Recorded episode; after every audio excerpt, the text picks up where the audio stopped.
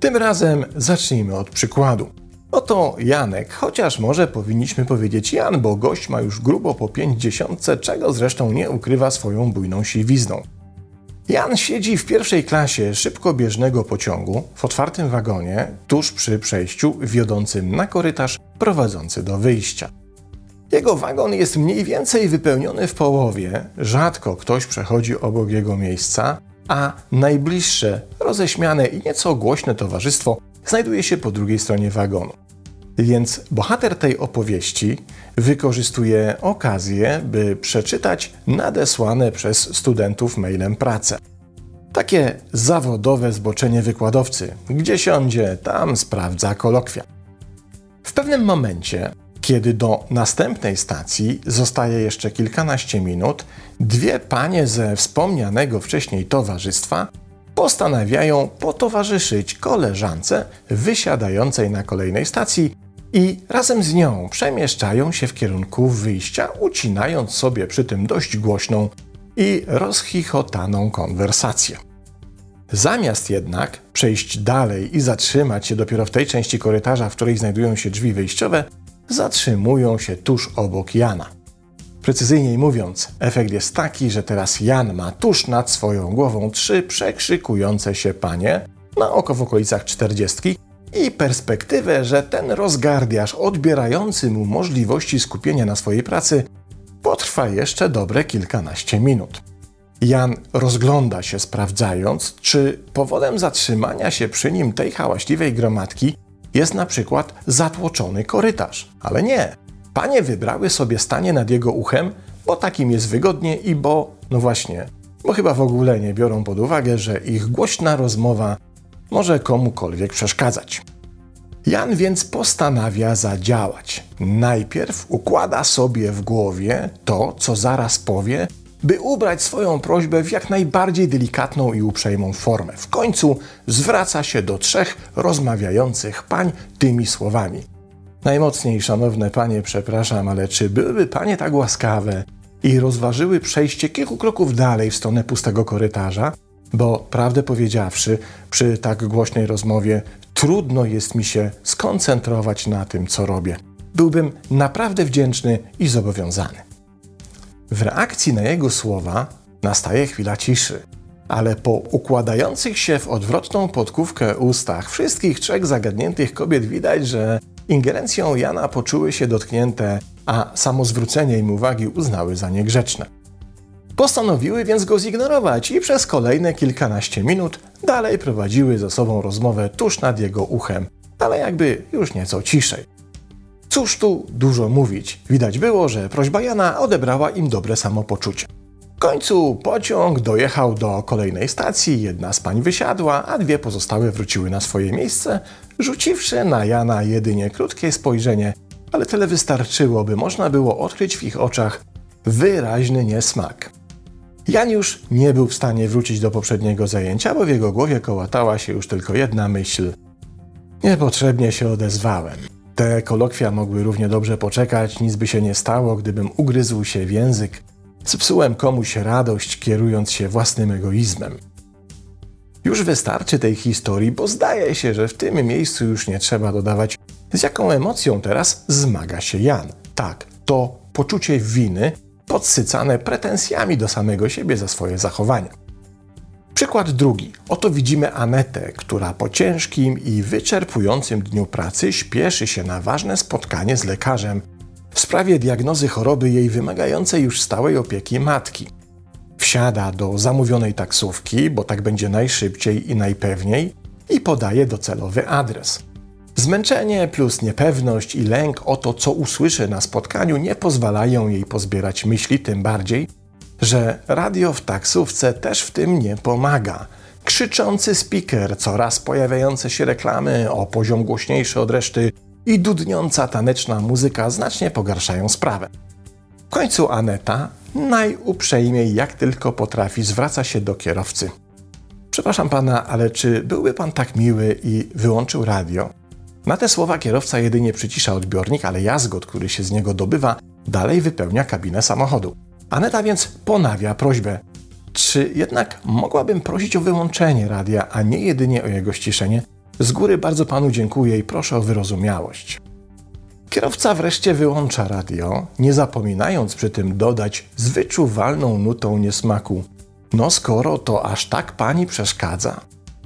Mija kilka chwil, atmosfera w taksówce jest cicha, ale jakby gęsta i Aneta wpada no już się domyślamy w co, prawda? Oczywiście w poczucie winy podszyte pretensją do samej siebie za to, że zepsuła kierowcy samopoczucie, a być może nawet doprowadziła do sytuacji, w której zrobiło mu się przykro.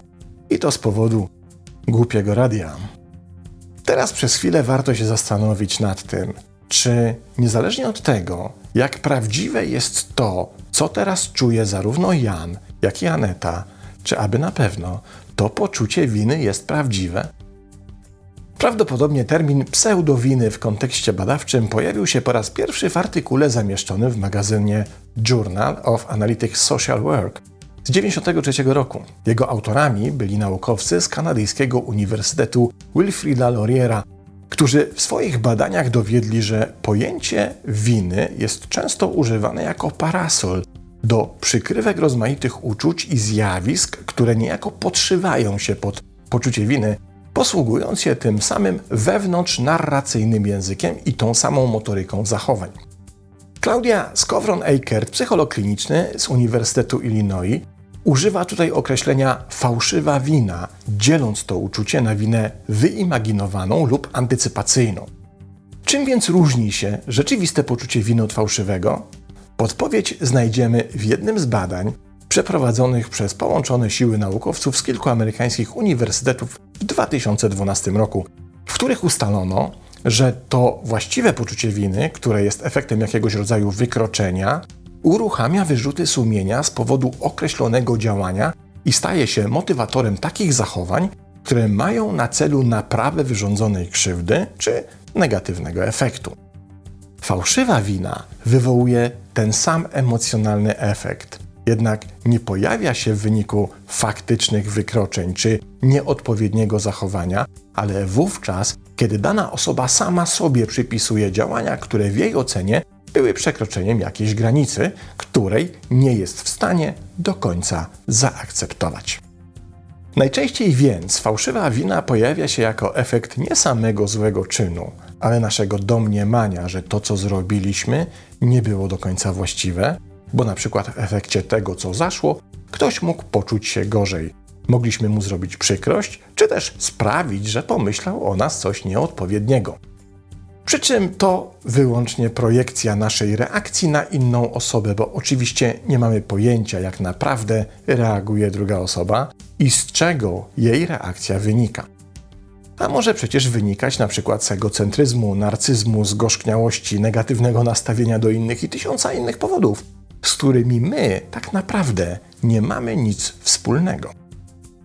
Psycholog kliniczny Claudia Skowron-Eikert wskazuje, że w jej doświadczeniu w pracy z ludźmi poczucie fałszywej winy najczęściej pojawiało się tam, gdzie ktoś stawiał zdrowe granice mające chronić jego autonomię czy wartość, nie po to, by kogoś skrzywdzić czy zrobić komuś przykrość, ale wyłącznie po to, by chronić siebie. Ale ta początkowa świadomość zostawała szybko ukryta za niepewnością dotyczącą wpływu skutków swoich działań na inną osobę. Nawet wówczas, kiedy te skutki działań były jedynie domysłem, a nie faktem. A zatem tu już dokładam własne doświadczenie w pracy z ludźmi zmagającymi się z fałszywą winą. Ten problem pojawia się najczęściej tam, gdzie dana osoba nie radzi sobie z asertywnością lub nie do końca potrafi ją poprawnie zdefiniować. Kiedy na przykład asertywność rozumiana jest jako brak szacunku dla innych, a więc jest to rodzaj strategii, której najlepiej unikać, by nie wypaść źle w oczach innych. Tymczasem asertywność tak naprawdę nie ma nic wspólnego z brakiem szacunku dla innych, ale ma za to bardzo dużo wspólnego z szacunkiem dla samego siebie. Niestety odróżnienie winy prawdziwej od fałszywej nie jest łatwe, bo na straży tej dystynkcji mogą stać lata społecznych wdruków i nauki mamy i taty kierowanej do małego brzdąca z mantrą powinieneś na czele. Bo zawsze, ilekroć w dzieciństwie słyszeliśmy to magiczne słowo, tymi samymi drzwiami implementowano nam do systemu poczucie winy. Wynikające z przeświadczenia, że jak zachowamy się w sposób, w jaki nie powinniśmy, to poczujemy się winni. Tym bardziej więc już w dorosłości warto przyjrzeć się swojemu poczuciu winy i dokładnie przemyśleć, czy aby na pewno to, czego doświadczamy, jest oparte na prawdziwych fundamentach? Bo jeśli tak, to możemy wykorzystać sprawczość tego mechanizmu, który z jednej strony informuje nas o zachowaniach, które traktujemy jako nieodpowiednie, niewłaściwe, takie, których nie chcemy już nigdy powtórzyć, a z drugiej strony staje się bodźcem do zmiany i rozwoju. Fałszywa wina nie jest sprawcza. Nie stoi za nią nic, z czego moglibyśmy skorzystać z pożytkiem dla naszego wzrostu, a jedynie bezproduktywne samozadręczanie się w imię podstępnego konceptu, w którym ważniejsze staje się to, co ktoś o nas pomyśli, niż to, jak potrafimy się samozaopiekować. Pozdrawiam.